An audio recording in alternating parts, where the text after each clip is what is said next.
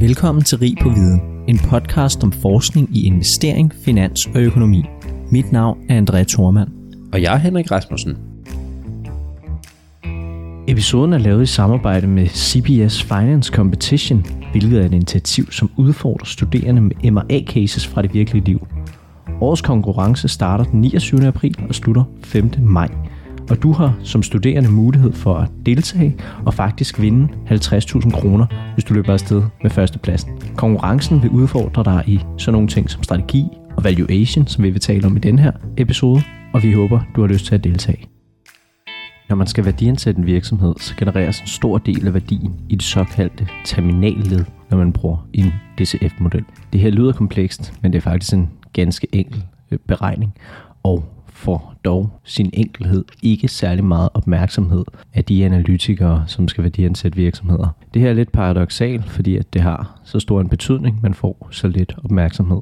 Og det er noget af det, vi skal tale om i dagens episode af Rig på Viden. Vi er så heldige at have fået besøg igen af professor og CVS og formand for DSV, Thomas Plenborg, til at tale om det her emne i dag. Så tusind tak, fordi du var med, Thomas. Ja, velbekomme. Jeg er glad for at få lov til at prøve det igen. Ja, men du er efterhånden en stamgæst. Du har jo været med to gange før, og det er vi jo super glade for. Øh, første gang du var med, talte vi jo også om værdiansættelse, og det var multiple værdiansættelse. Øh, nu skal vi tale lidt mere sådan om DCF, terminalperiode, budgetperiode og alle de her ting.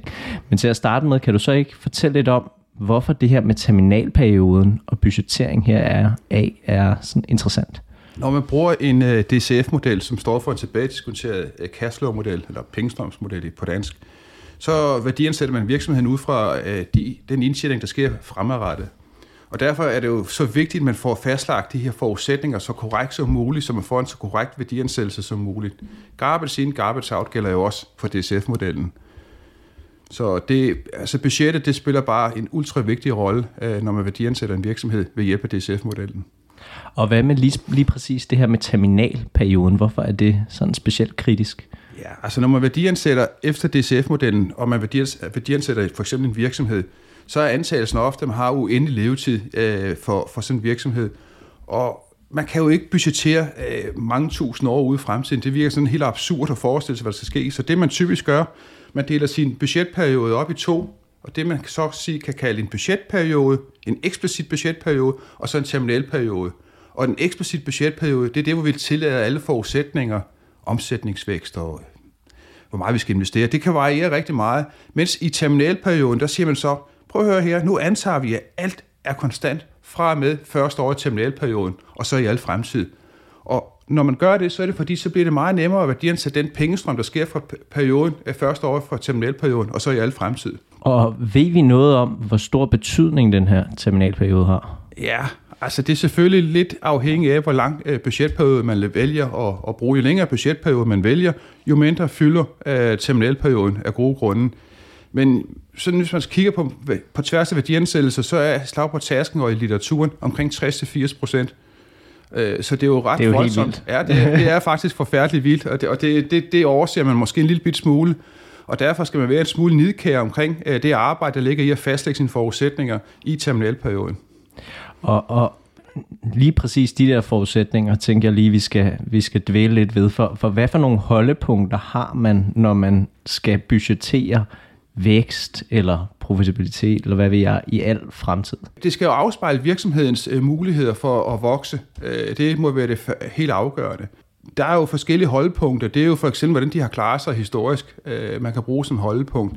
Man kan kigge på sammenlignelige virksomheder, man kan kigge på branchen, og man kan kigge på generelt samfundsvæksten. Det er jo sådan de 3-4-5 holdepunkter, man sådan nok vil kigge på, når man skal prøve at fastlægge, hvad der kan ske langt ude i horisonten.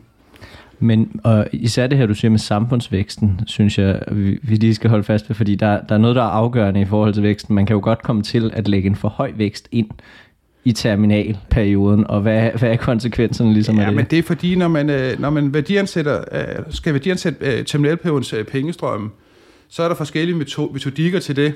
Øh, en af dem, det er jo Gordons vækstmodel. Og Gordons vækstmodel, øh, hvis man skal prøve at fortælle det på sådan en podcast, måske kan være en smule bøvlet, men man har så i tælleren øh, de pengestrømme, man forventer at, at tjene øh, i første år i terminalåret, og så i nævnerne har man så afkastkravet minus væksten. Og hvis man kigger på afkastkravet minus væksten, så kan man næsten mærke eller fornemme, at hvis væksten bliver øh, nærmer sig virkelig tæt på, på kapitalomkostningen, så bliver det jo en eksponentiel funktion, man får i sin terminal øh, værdiansættelse. Og derfor må man jo ikke få for høj vækst, altså, øh, og, og for at gå tilbage til det, du nok spørger til med samfundsvæksten, altså på sigt, så kan de færreste virksomheder jo outperforme øh, den generelle vækst, øh, der sker i samfundet. Det, det, det, det vil være svært. Man kan prøve at kigge, tænke sig om, hvad for nogle virksomheder har kunne præstere det de sidste øh, 200 år. Det er svært at finde en, der har konsistent gjort det. Men vil konsekvensen ikke også være, hvis, hvis det er tilfældet af al uendelighed, så vil den her virksomhed overtage samfundet? Jo, jo, så vil den jo blive den største, og ja, den vil blive større end hele samfundet selv. Øh, så, så det, er sådan lidt, øh, det er sådan lidt absurd, men man, man, hvis man tænker lidt over det, så, så er det jo, så, derfor skal man passe på, hvor høj den vækst, man, man, man, man, man lægger ind i sit terminalled.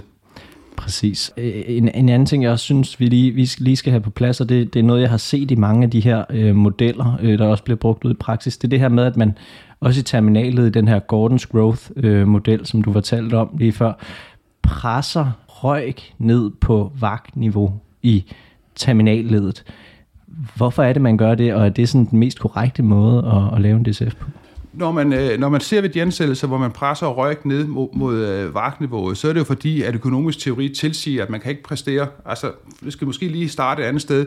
Når røg, altså afkastet på sine investeringer i driften, er større end afkastkravet, så er det udtryk for, at man laver det, man vil sige overnormal afkast. Det kan godt ske en periode, vil man sige økonomisk teori, men hvis man kan blive ved at gøre det, så vil det tiltrække andre øh, aktører, som vil så være med til at lave øget konkurrence, og så presse de her overnormale profiter ned på et normalt leje, som normalt leje her udtrykket i form af afkastkravet. Øh, og det er grunden til, at når man går ud i terminalperioden rigtig mange år ude i fremtiden, jamen så vil man jo nok sige, at så på et tidspunkt, så vil den her overnormale profit øh, blive eroderet i form af øget konkurrence. Øh, og derfor tvinger man den ned. Øh, det, det, jeg, man skal passe en lille smule på, fordi altså, det, det er til dels rigtigt, men der, der, der er en regnskabsmæssig problemstilling også bygget ind i hele den her øh, debat omkring, om afkastkrav skal tvinges ned på, på, på vagtniveau eller afkastkravniveau. Og det er, hvis man har konservativ regnskabspraksis, øh, det forstås på den måde, at man måler ting meget forsigtigt over på balancen. Det vil sige, at man omkostningsfører rigtig meget, i stedet for at kapitalisere på det så får man en for lav uh, investeret kapital, uh, som man nævner i afkast, uh, eller i røggen, return on invested capital. Og så bliver den så også inflateret, den her uh, røg. Uh, og for de virksomheder, man kan sige sådan som Novo, de vil jo omkostningsføre rigtig meget af deres forskning og udviklingsomkostninger.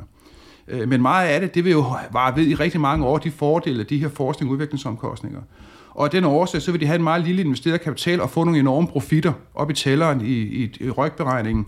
Så de vil, de vil per definition øh, vil have en røg eller afkast på investeringerne, driftsinvesteringerne, som er større end varken, også på lang, lang, lang, lang sigt. Øh, for sådan en virksomhed må vi altså ikke presse ned mod varken. Det er forkert.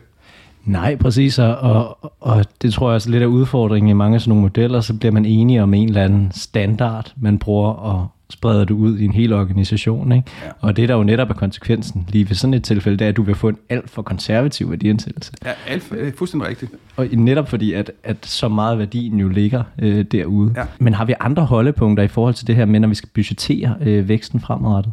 Ja, altså det, man, man vil sige, at øh, altså, hvis man skal kode hen i en bouillonterning, så er den vækst, som en virksomhed kan præstere, det må være, øh, det må være den øh, prisstigning, de prisstigninger, de kan få på deres produkter øh, på lang sigt, og her vil man nok kigge lidt på inflationen, og så vil man spørge sig selv, om de kan overføre de, de stigende priser på, på deres indkøb og lignende og på lønninger. Kan de overføre det til, til, til deres kunder?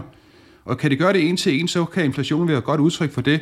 Og hertil kommer så også realvæksten. Så hvis man forestiller sig, nu er inflationen lige pt. høj, men hvis den var 1% inflationen, og realvæksten var halvanden, jamen så vil, altså volumenvæksten, jamen så vil man sige 2,5% cirka. Det vil være sådan et slag på tasken, man vil bruge som, som øh, vækst.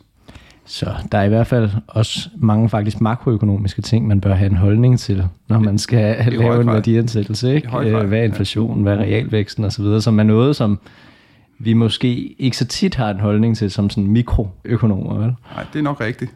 Jeg tænkte også lige, at jeg vil også lige have nogle af, af, af dine erfaringer her, øh, hvis vi kan sådan koge en værdiansættelse ned, eller hvis vi kan koge øh, nogen, eller din store viden omkring værdiansættelse ned til sådan tre gode råd, man skal have en mind, når man skal lave den bedste øh, værdiansættelse. Hvad vil det så være? Oha, altså jeg går ud fra, at dagens tema er budgettering, så skal vi prøve at holde os til det. Lad os holde os til det. Ja, øh, hvis man gør det til, omkring budgettering, så, så, så må det være, det første råd må være at anerkende, at i og med budgettet er med til at, at det er en helt afgørende faktor for, hvad værdien man kommer frem til at få, så må man ikke undervurdere det, det stykke arbejde, der ligger i at lave et rigtigt, øh, et rigtigt budget.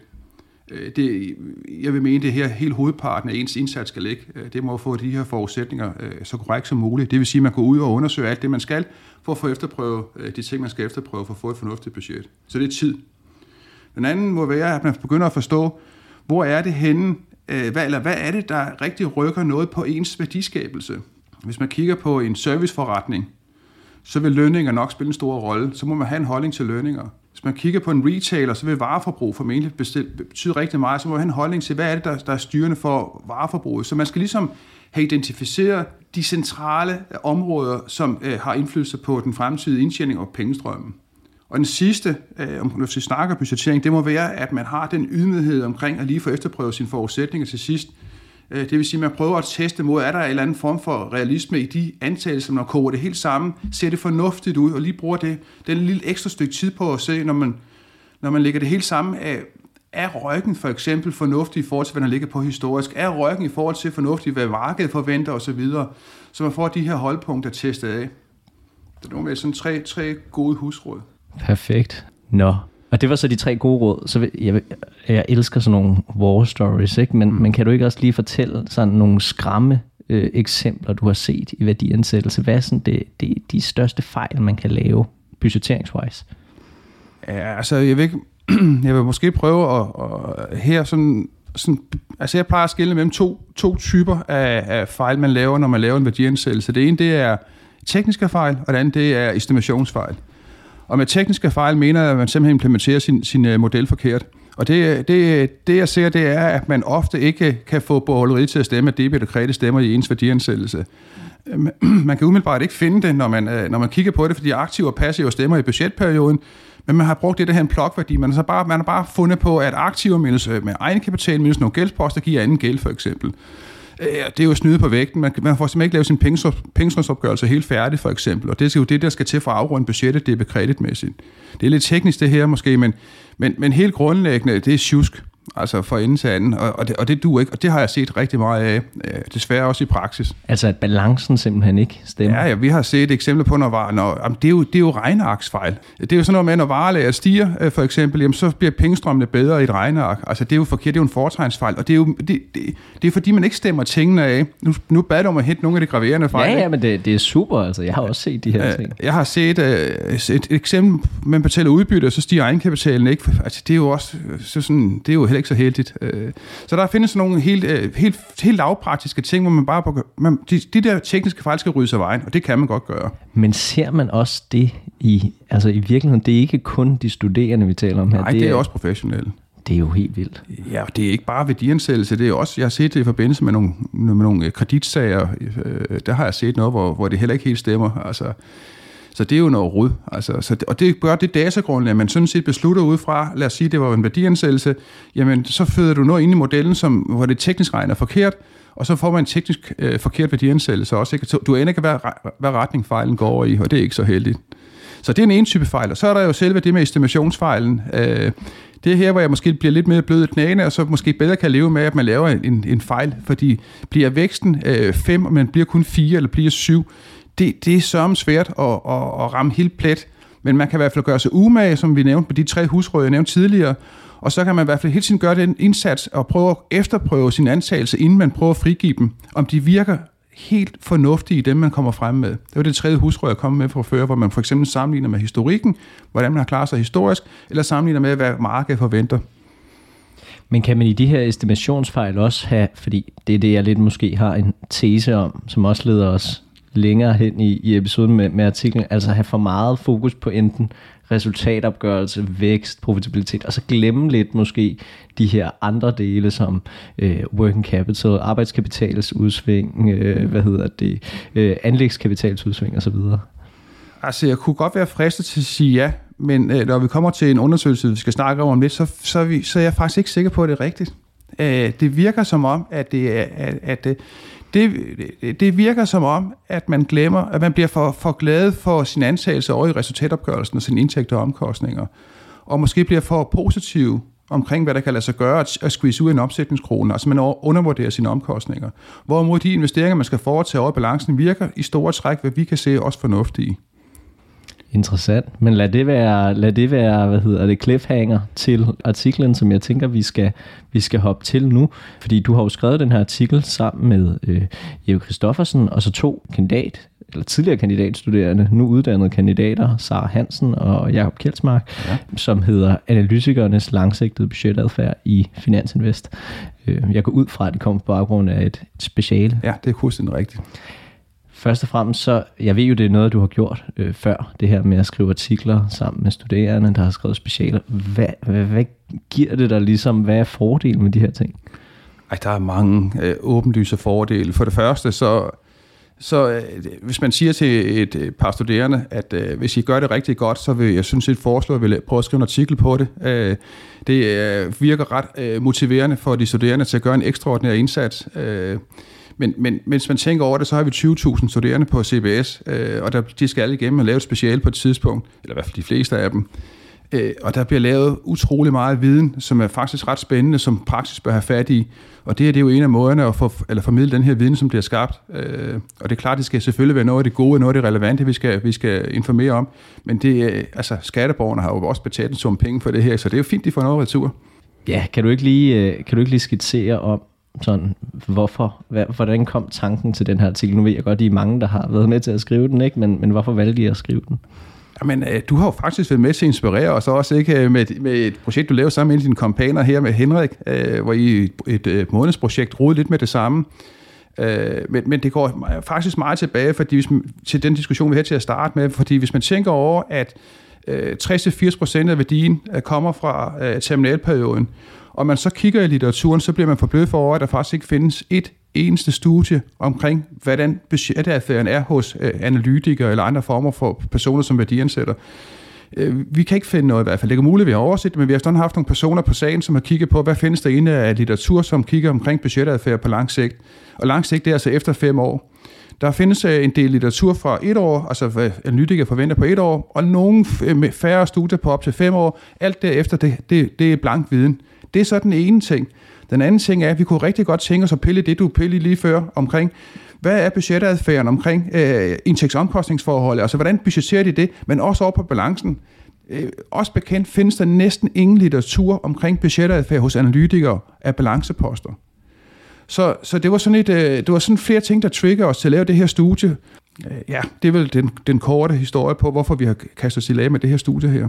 Og hvad, hvad handler artiklen så om i sådan en korte træk? Jamen det er, altså det, det hvis man skal kode det helt ind igen øh, til en bouillon så er det simpelthen den langsigtede budgetadfærd, og se omkring terminalperioden. Og prøve at bibringe noget ny viden til markedet her, så sige, prøv at høre her, det er det, vi kan se, at folk gør, når de værdiansætter i terminalperioden, det vil sige på rigtig, rigtig lang sigt. Øh, hvordan, hvordan er det, er det, måske, måske gå et skridt tilbage. Det vi kan se på, på hos analytikere, så når de budgeterer øh, 1-5 år sigt, det er, at de generelt er for positive. Og her snakker vi, nu er det ikke balancen, vi har, men det, det er resultatopgørelsen, altså indtjeningen.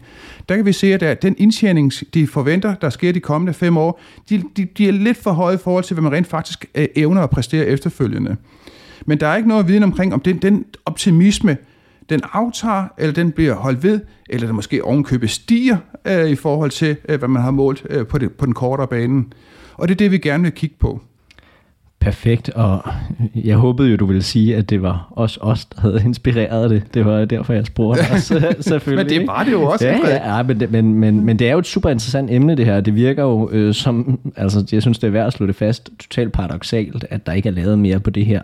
Øh, men det kan nok også skyldes noget af det, vi kommer lidt ind på, fordi I kigger jo på specialer og HD-afhandlinger her.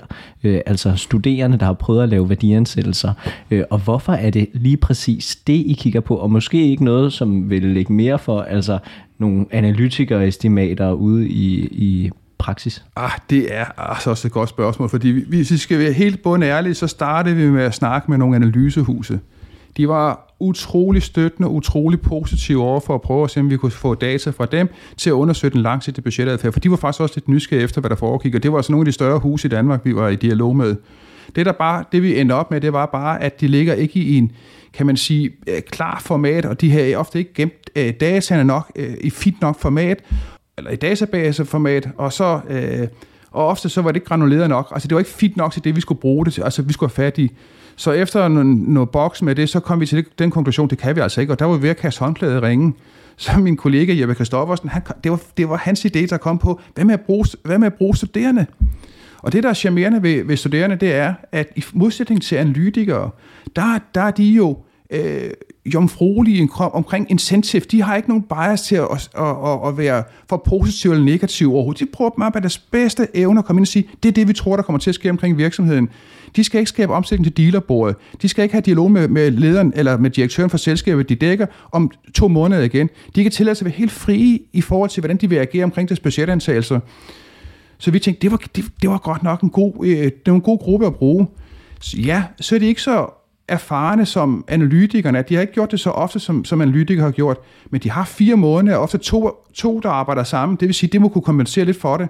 Så det var en af, eller nogle af de væsentligste årsager til at tage studerende. Den sidste grund til at tage øh, studerende og deres, øh, deres specialer, det er, vi har det fineste datagrundlag, altså detaljeret datagrundlag omkring deres budgetantagelse. Vi kan gå ned og se på, hvad for nogle omkostningsposter de budgeterer på tværs af, nu har vi en sample her på 300 cirka øh, specialer, vi bruger, øh, der har lavet en værdiansættelse. Så vi kan jo gå ned meget finere og sige, hvordan, de, hvordan budgetadfærden er på et, et mere detaljeret niveau, end man kan i litteraturen. Så vi synes jo, der er rigtig, rigtig mange fordele ved det, vi har gjort.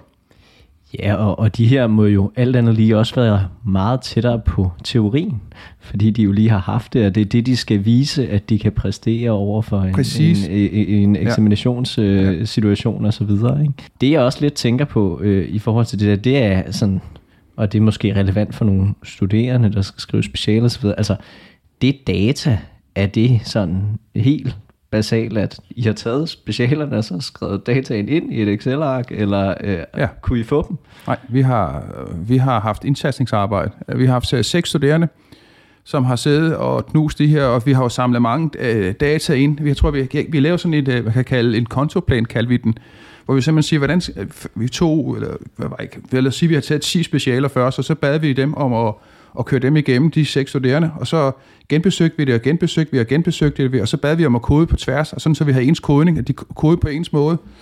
Øh, og på den måde var vi sikre på til sidst, at det, der så blev kodet ind, det var også noget, vi kunne stole på i forhold til, hvad der var brugt i speciale. Ja, præcis, fordi det har jo været et papirformat, ikke? Ja, eller et pdf-format og så ja. videre, så, så det skulle konverteres ja. over til... og der kan hurtigt ske et testefejl, der kan ske en totningsfejl, og der kan ske mange ting, og derfor bliver det øh, testet på tværs af flere personer, øh, før det bliver frigivet. Præcis, men jeg synes i hvert fald, det er værd at anerkende, det, det er blod, sved og tårer, som ja, det ligger i, jeg ved ikke hvor mange, øh, ja, så næsten 350 specialer, eller ja, hvor meget det er, ja. ikke? Øhm, og så gange ekstremt mange tal. Ja, øh, og også finde specialerne frem øh, tager tid, ikke? Altså det, det, har været stør, det har været rigtig stort arbejde. Øh, det glemmer man måske lige i kappen sæde, men, men altså som, øh, hvor jeg så sidder, hvor Jeppe sidder, min kollega, øh, vi kan jo sådan se, at vi har det lette arbejde. Det er dem, de stærkeste studerende, som har knoklet med det, som egentlig fortjener, fortjener alle rosen her. Så det er værd lige at, at hænge fast i. Jeg synes lige, vi skal, skal gå videre i forhold til, øh, nu har vi talt om sådan metoden med, med, med dataarbejdet, men sådan gå mere over til metoden, I bruger til rent faktisk at vurdere de her budgetter. Hvad for nogle nøgletal øh, I anvender til at vurdere, om budgetterne er realistiske eller optimistiske osv.? Hvis vi starter med selve metoden for at finde ud af, om de er for optimistiske eller pessimistiske, der, det første, vi egentlig gerne vil gøre, det er at så sige, okay, hvad, hvad er forventningen i 2022? Og så kigger vi på de realiserede tal for 2022, og så ser vi på, om de, om de, øh, om de harmonerer, eller der er, om der er optimisme eller pessimisme. Problemet ved den tilgang, det er, at øh, vi kender ikke 22-tallene nu. Og i og med, at vi kigger på terminalperioden, nu der ligger en 5-10-15 år ude i fremtiden, så vil vi simpelthen miste for mange specialer, hvis vi brugte de realiserede tal. Den idé døde hurtigt. Og så øh, blandt med inspiration for jeres øh, projekt også, hvor vi selv sad og brainstorm over det, så kom vi så frem til, at det, det, hvad, vi bruger de historiske tal. Og så, og så er vi klar over de sværheder, der ligger i det, fordi vi har taget tre års gennemsnit historisk og tre, fem års gennemsnit historisk og se på, om man afviger fra det historiske snit. Og gør man det, eller sige, man, man, man forventer en højere indtjening fremadrettet end de sidste fem år, så siger vi simpelthen, at de er for optimistiske. Og det kan man have mange meninger omkring, hvorvidt det er, er, er en fornuftig måde eller ej, men det er det, vi har valgt at gøre, det er præmissen for studiet. Vi har så valgt at lave nogle, nogle tillægsanalyser, hvor vi så har sagt, okay, dem som så er optimistiske omkring deres budgetadfærd, er de også optimistiske omkring andre ting. Og der kigger vi så noget som for eksempel deres anbefalinger. Og så ser vi på, om deres anbefalinger holder vand inden for de næste 12 måneder. Øh, og der skal helst være sådan en, at dem, der er optimistiske omkring deres budgetantagelser, de skal, må, hvis det skal give mening, og vi skal tro på det, så skal de også have samme adfærd omkring måske deres, øh, deres øh, anbefalinger.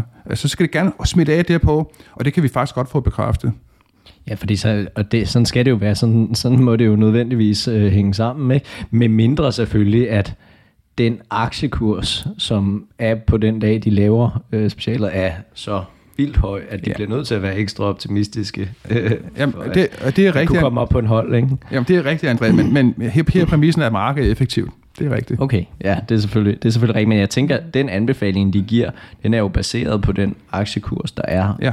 Dags dato, ikke? Yes. Øh, ja. Jeg synes også lige, vi skal øh, hægte os ved, ved nogle af de her resultater. Og jeg skulle måske lige sige, Nå, jeg, ja. undskyld afbryder, André, fordi, men jeg glemmer at svare på den anden del af spørgsmålet, for du spørger, hvad er det for nogle nøgletal? Hvad er for nogle nøgletal? Ja, ja og det er jo ret vigtigt, at, at lytteren forstår, hvad det er, vi, vi egentlig måler optimisme på. Den ene ting, det er uh, det, som jeg nævnte nogle gange, den vi kalder ROIC, Return on Invested Capital. Det er altså afkastet på vores driftsinvesteringer. Og lige for at tage den, hvis man har en ROIC på 10%, så når man uh, investerer en krone i driften, så får man 10 øre retur. Det er, sådan, det, det er ene mål. Det andet mål, vi kigger på, det er så omsætningsvæksten. Og det er de to overordnede mål. Så gør vi så det, at øh, når vi kigger på ryggen, fordi vi har så fine data, så kan vi dekomponere den, ligesom Dupont-modellen, hvis man, nogle af lytterne kender den, hvor vi kan dekomponere ryggen i det, der hedder overskudsgraden, og det, der hedder omsætningshastigheden. Overskudsgraden udtrykker øh, i procent, hvor meget vi kan squeeze ud af en omsætningskrone. Så 5% i overskudsgrad fortæller os, at vi tjener 5 øre i driften. En omsætningshastighed udtrykker noget omkring vores evne til at styre pengebinding over i balancen, altså vores investeringer i driften derovre. Og hvis vi har en omsætningshastighed på 2, så fortæller det os, at for hver gang vi har investeret en krone i driften, så, eller, så får vi to omsætningskroner. Så det er, det, altså, det er sådan to måder at skabe værdi på. Øh, og jo højere de to øh, nøgletal bliver, overskudsgraden og omsætningshastigheden, jo højere afkastningsgrad får vi så. så og, og når jeg nævner det, det er sådan en lang vej egentlig at fortælle til det, jeg egentlig gerne vil fortælle. Men ved, ved at gøre det, kan vi sige, hvis nu der er optimisme i ryggen, skyldes det så indtægts- og omkostningsforhold, de budgetterer for aggressivt, eller skyldes det øh, for få pengebindinger i forhold til deres omsætninger, de forventer at generere, som kan forklare optimismen. Det er ret unikt. Ja, det er jo en, det er jo en helt sindssyg dekomponering. Altså, det er, jo, det er jo netop det, man ikke kan lave ellers, ikke? Nej, for det, det findes ikke i databaseformat i amerikanske databaser eller engelske databaser. Vi kan ikke få de data ellers, så det er fedt. Men, men lad os så lige hoppe ned til resultaterne, Thomas. Øh, nu har du forklaret, hvordan I vurderer det, men, men hvad ser I så rent faktisk i data? Hvis vi tager, øh, hvis vi tager røggen først. Øh, vi finder at det er så ret vildt. Vi finder, at røgen, lad os sige, røgen i cirka i snit, i, de, i, i den population, vi arbejder med, der er røgen i snit for 3 og 5 års øh, basis cirka 10 procent. Der finder vi, at den er cirka øh, 40 procent, øh, godt cirka 40 procent højere, nej, 35-38 procent i budgetperioden, og endnu højere i terminalperioden.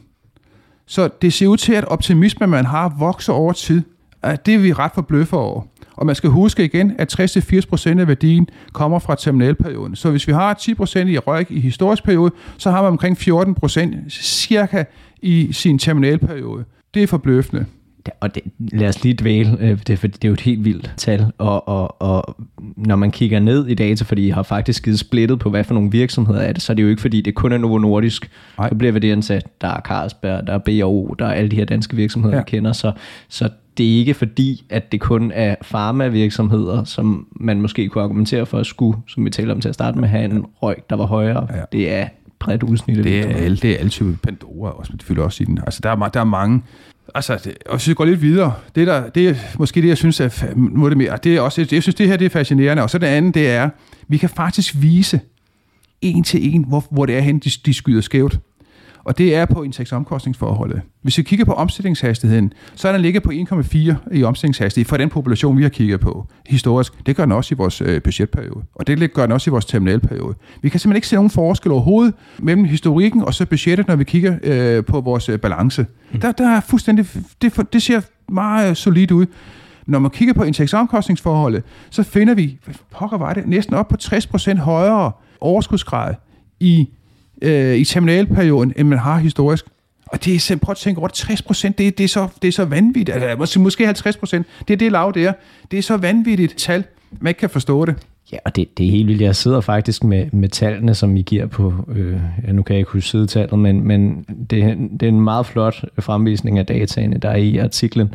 Øh, og det er sådan noget fra historisk har EBIT-marginen, som er det her indtægtsomkostningsforhold, du fortæller om, ligget på måske 10%, men i terminalperioden ligger det på nu prøver jeg at se her, 14-15 procent. Altså, altså cirka 50 procent. Præcis 5 øh, procents points ja. forbedring øh, på forventninger. Men, men André, jeg kan bedre lige sige 50 procent. Ja, ja, præcis. Jamen, det, det, lyder, det, det lyder. Jamen, det er også rigtigt, fordi når du driver en forretning og skal øge din margin fra 10 procent til 15 procent, over en bred population virksomhed, det, det, det, det, det for mig er næsten utænkeligt. Altså, det svarer til, at du skal gå hen i, uh, i uh, øh, IMR, så skal du betale øh, uh, 50, øh, eller 50 procent mere, i, altså, eller, ikke, man skal betale meget mere for varen, for at komme i mål med, det gider du da ikke som forbruger. Altså, det er ikke så nemt at, at få den prisstilling igennem. Der er i hvert fald mange interne sådan, øh, produktivitetsforbedringer og sådan noget, der skal, skal laves for at, for at nå frem til det. Ikke? Det, det kan virke let i regnearket, men, ja. men for de virksomheder, ja. der skal gøre det, er det jo en kæmpe opgave. Man kan undre sig, at de kan præstere det sidste øh, fem år tilbage i tid. Der har de i hvert fald ikke kunne gøre det. Nej, præcis, og det er jo lidt tilbage til det her med, at, at tingene er altid bedre i, i fremtiden. Ikke? Mm. Øh, men det siger virksomhederne jo også. Altså højst sandsynligt, de her studerende har jo nok kigget også på en eller anden guidance kunne jeg forestille mig. Altså, jeg vil tro, at, at øh, når de her studerende har lavet den her videoansættelse, så er det jo ikke, fordi de sådan fuldstændig blindt har, øh, hvad hedder det, budgetteret performance. Virksomheder kommer med langsigtet guidance. Virksomheder siger også, tingene bliver bedre i morgen, altid, ikke? fordi ellers har ledelsen jo ikke en berettelse. Så kan der ikke også være noget af det her, der spejler tilbage på ledelserne, som måske er optimistiske? Øh, ja, ja, før jeg svarer, så vil jeg sige, at vi er ikke inde og kigge på i undersøgelsen, hvad kan forklare den her optimisme. Men for, altså for egen regning, der er jeg nok enig med dig i, at man øh, også måske på grund af manglende erfaring som studerende, godt kan blive grebet af stemningen, og så sige, det virker. Hvis de mener, det her, den her dygtige ledelse, jamen så kan det godt være, at det bliver bedre i morgen, end det har været de sidste øh, fem år. Og det forklarer jo stadig ikke det der hop til terminalperioden, nej, vel? Men, men budgetperioden kan det måske, ja. jeg ved godt, I ikke skriver om nej. det, men forklare et eller andet om. Ikke? Ja. Men, men, men jeg, altså, det, det er så vigtigt, øh, at, at, at, at, at som lytter også, man, man, man tager med, at det er ikke bare en stigning, der sker de første 4-5 år. Det sker altså, stigningen fortsætter, især med den overskudsgrad, også i terminalperioden. Altså det, det er det, jeg synes, der er måske det mest fascinerende eller det mest overraskende ved vores studie. Jeg har forventet, at man måske har modereret sig lidt i terminalperioden, så okay, nu har vi optimisme i budgetperioden, nu sænker vi lige parat, altså nu gør vi lige, nu, nu, gør, nu må vi lige styre os lidt. Men nej, den får en ekstra nyk op, øh, når man overtager en elperiode. Det synes jeg, det er ufatteligt. Ja, fordi det er jo faktisk, og, altså det er jo, I, I, I regner frem til, at det, den hedder 12,4 procent EBIT-marginen i øh, gennemsnit over 5 års budgetperiode, og så hedder den 13,9 procent EBIT-margin i terminalperioden. Altså, ja, du kan tage, du, siger, du tage, tage, tage tre år. Det er sådan, du kan, skære, du kan slice dataen på mange måder, men den er, rigt, den er markant højere, når du når øh, din terminalperiode. Og hvis man ligesom tænker over det, det andet resultat, vi finder, det er, at, at øh, til gengæld væksten, hvis vi lige tager den også, den, øh, den øh, falder. Øh, der, der, det første budgetperioden, der, der er væksten nogenlunde på niveau med det, man har haft historisk, men den falder til et par procent i øh, terminalperioden. Og det går tilbage til den øh, teknik, man bruger, når man værdiansætter, der bruger man Gordons vækstmodel, hvor man siger den her med, at væksten skal svare til prisstigninger plus realvæksten, og det er nok et par procent uh, cirka. Ikke? Det ser sådan ud. Så der, der er man meget mere moderat med sin, uh, med sin budgetantagelser. Men, men og det, det, jeg synes netop, det der er interessant, fordi det virker jo som om, det, det er et tekstbog eksempel for vækst øh, antagelserne. Altså, der er ikke noget, der bliver gjort forkert her Nej. for væksten. Nej. Øh, men, men, og det var også derfor, jeg prøvede at spørge lidt ind til at starte med. Altså, har vi sådan rigtig gode holdepunkter til den langsigtede øh, profitabilitets budgetteringsregler, øh, ja, regler, eller hvad man kan sige? Jeg synes jo, at man skal bruge, øh, altså hvis, det må jo være noget med konkurrenceforholdene, som afgør, hvad man kan bruge, men jeg synes jo, at historiske anker, det er ganske, ganske fine at bruge. Når jeg underviser øh, jeres studerende, så underviser jeg jo så siger, at der må gerne være en vis kobling til det, der foregår historisk. Altså, så skal det jo være fordi, at, at, at nogle spilleregler ændrer sig i de konkurrencemiljøer, hvor man opererer, som gør, at man kan få en højere og lavere profit. Ellers hvorfor skulle man få en, en 50% højere lønsomhed på røgken, for eksempel, øh, i, eller 40% højere i øh, budget- og terminalperioden? Det, det kan jeg ikke forstå. Den anden holdpunkt er selvfølgelig også sit afkastkrav. Altså hvis man tror på det med økonomisk teori, så nytter det jo ikke noget, at man kører endnu mere ud af tangenten og laver det endnu højere end, end afkastkrav, end det har været historisk. Altså så der er sådan et par holdpunkter, man godt kan kigge på det. Men jeg kigger selv meget personligt på, om der er en holdpunkt, også når jeg ser ud i praksis, om der er et holdpunkt til historikken. Øh, og så skal folk forklare sig, hvis, de kan, hvis, hvis det er sådan, at jeg får en investeringscase ind, og jeg kan se, at, at øh, budget, budgetantagelsen ligger markant højere end det, man, at det sælger har kunne præstere historisk, så er der simpelthen en forklaring på, hvorfor der er den her difference. Ja, der skal i hvert fald være nogle klare argumenter ja. øh, for hvorfor, fordi at det er jo ja. noget, der betyder så meget for, for værdiansættelsen. Men, og, og det vi jo også skal huske, det er, at altså, en ting er, at vi siger, at terminalperioden øh, er meget højere. Det lyder måske ikke så slemt, men, men det, det jo i virkeligheden betyder, det er jo, at profitabiliteten og afkastet på den investerede kapital øh, er rekordhøj i al fremtid. Det er jo sådan set det, øh, jeg, jeg, det betyder. Jeg glemmer at sige det, André, lige før. Vi har tænkt på det lige før, da, da vi snakkede sammen, for jeg tænkte, det skal jeg skulle lige sige, fordi, det, fordi det, er jo, det er jo det, man skal tænke over. Hver eneste år, så skal der ikke, der er ikke sådan, hvis man får en, øh, en krise, en finanskrise, man får et eller andet, øh, nej, man skal stadigvæk levere de der 14 øh, procent i røg, øh, hvor man placerer 10 procent i gennemsnit historisk. Når det, når det, når det ser aller sortest ud, 14 procent. Der er, ikke, der er ikke noget at komme efter, der er ikke nogen slinger i valsen. Alle år skal give 14 procent. Det er jo det, der er så frustrerende næsten, at man hopper på den linpæm, for det, det, det kan ikke lade sig gøre. Nej, ja, og det, og det er jo det, men altså, jeg ved godt, at I ikke har skrevet om det, men altså, hvis du skulle gætte på, hvad der ligger bag, at hvis jeg bare folk generelt måske er mere optimistiske på profitabiliteten, øh, end, end de er på, på vækst, hvad, hvad vil du så tro, det, det er, der gør det? Altså væksten, øh, tror jeg, at øh, der bliver man hjulpet godt af det modelapparat, der ligger der, så man simpelthen bliver styret på plads med, med øh, måske en, en lille smule for forsigtig, vil jeg nok også mene på væksten. Det tror jeg faktisk, man er. Øh, omkring øh, det med, med, med, med Intel profitabiliteten, der er du selv inde på noget, hvor man måske bliver øh, besnakket, øh, og man læser materiale, som understøtter den besnakken øh, fra, fra virksomhedens side, til at det går bedre, end det rent faktisk øh, kommer til at, at gøre så tror jeg også på, at der sker det, når man budgeterer, øh, så budgeterer man mange delkomponenter. Sådan en omkostningspost, det er en omkostningspost, det er en omkostningspost lønninger, øh, vareforbrug og sådan. Og når man så, det kan godt give en halv procent der, en kvart procent der, men når man så aggregerer de mange antagelser, man har lavet, så til det ser der meget tilfældet ud. Men når man ligesom laver den her kontrol, som vi, vi det er en af de, de her tre øh, anbefalinger, vi kommer med til at starte med, så vil man jo fange, at det her det, det virker sørme for, for voldsomt. Altså, men jeg tror simpelthen, når man, man, man, man, man ah, det kan godt gøre det lidt bedre. Ah, de kan også gå lidt på vareforbrug. Det kan også lønningerne kommer der ikke til at stige så meget, eller øh, hvad det nu kan være, huslejen kan man også godt styre, eller hvad man nu skal ud i gang med at budgettere. Og de der små delkomponenter gør jo til sidst, at når man mange begge små gør en stor å, og hvis man så ligesom prøver at sige, det tror jeg faktisk også er en af forklaringerne til det.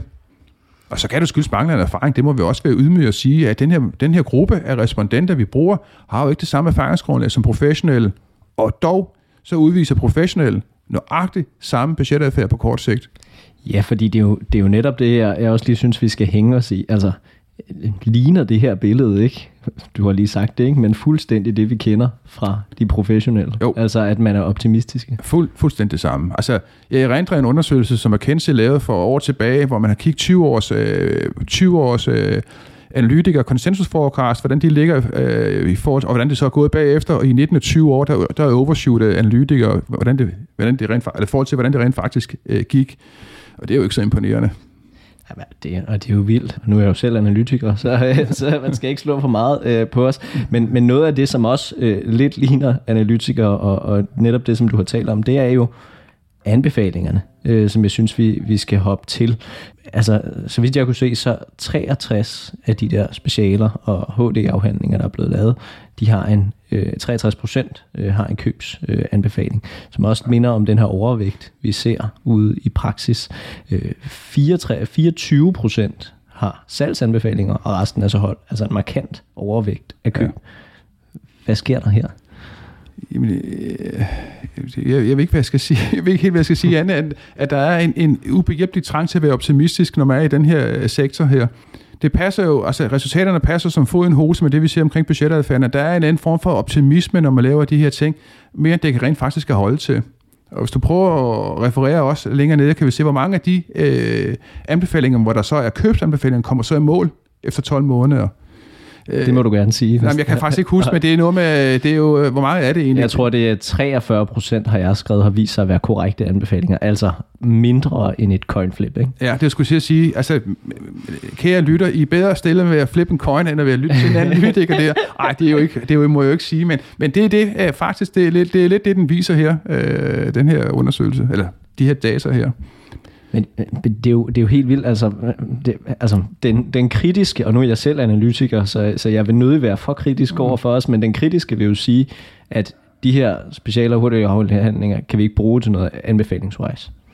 Jeg vil da også tro, at hvis man, øh, som, altså, måden det fungerer på i praksis, det vil, at den her rapport vil så tilgå en investor, så vil investoren jo selv øh, bruge sin sunde for luft, og ved nok godt, at der er smurt lidt på, øh, eller hvis man, har, hvis man har modtaget tilstrækkeligt mange rapporter, og så danne sit eget øh, billede af. Så, så det er måske en meget god måde at få, få formidlet noget, noget viden på, og så kan beslutningstager selv træffe sin, sin, sin egen beslutninger bagefter. Men, og der, man skal også huske på, at der er jo selvfølgelig den her incentive med, som analytiker vil man jo gerne stå godt over for ledelsen, og ikke sige for, for meget dårligt omkring ledelsen, øh, for at få tale, øh, tale adgang, eller adgang til at tale med ledelsen. Øh, men det er lige godt pokkers, at, at, at det er så bare, som det er. Ja, fordi det er jo, det er jo forklaringen for analytikerne, ikke? Men, men, men for de her, der, der, vi burde jo have renset effekten i og med, at de er, du ved, de er uafhængige studerende, ingen incitamenter til nogle og, af de ting. Og ved du hvad, André, det er det, jeg har efterfølgende tænkt allermest på. Er vi bare, er vi bare født optimister? Altså er vi, det, det kan ikke gennemskue helt, men der er, det undrer mig, at når vi har en, en, en population, som alt den lige er meget, altså skulle være så ren som muligt i forhold til i hvert fald analytikere, har nøjagtigt samme budgetadfærd. Fuldstændig samme budgetadfærd. Hvor, hvorfor? Hvor, hvor, hvorfor gør vi det? Jeg, jeg kan ikke svare på det andet. Der ligger noget i os som mennesker også, som jeg tror simpelthen gør, at vi, vi det har vi tendens til at gøre og så være positive i vores antagelser. Der er flere optimister i verden end, end ja, pessimister. Det gør heller ikke noget, det sådan set okay. Nej, nej, præcis, det er godt det nok. Det er lidt sjovere. Det er godt nok, men, men problemet er jo så bare, hvis det ender i nogle anbefalinger. Ja, ja, det er det, ikke? Ja, ja, det er noget råd. Øh, fordi at, altså, der er jo ikke...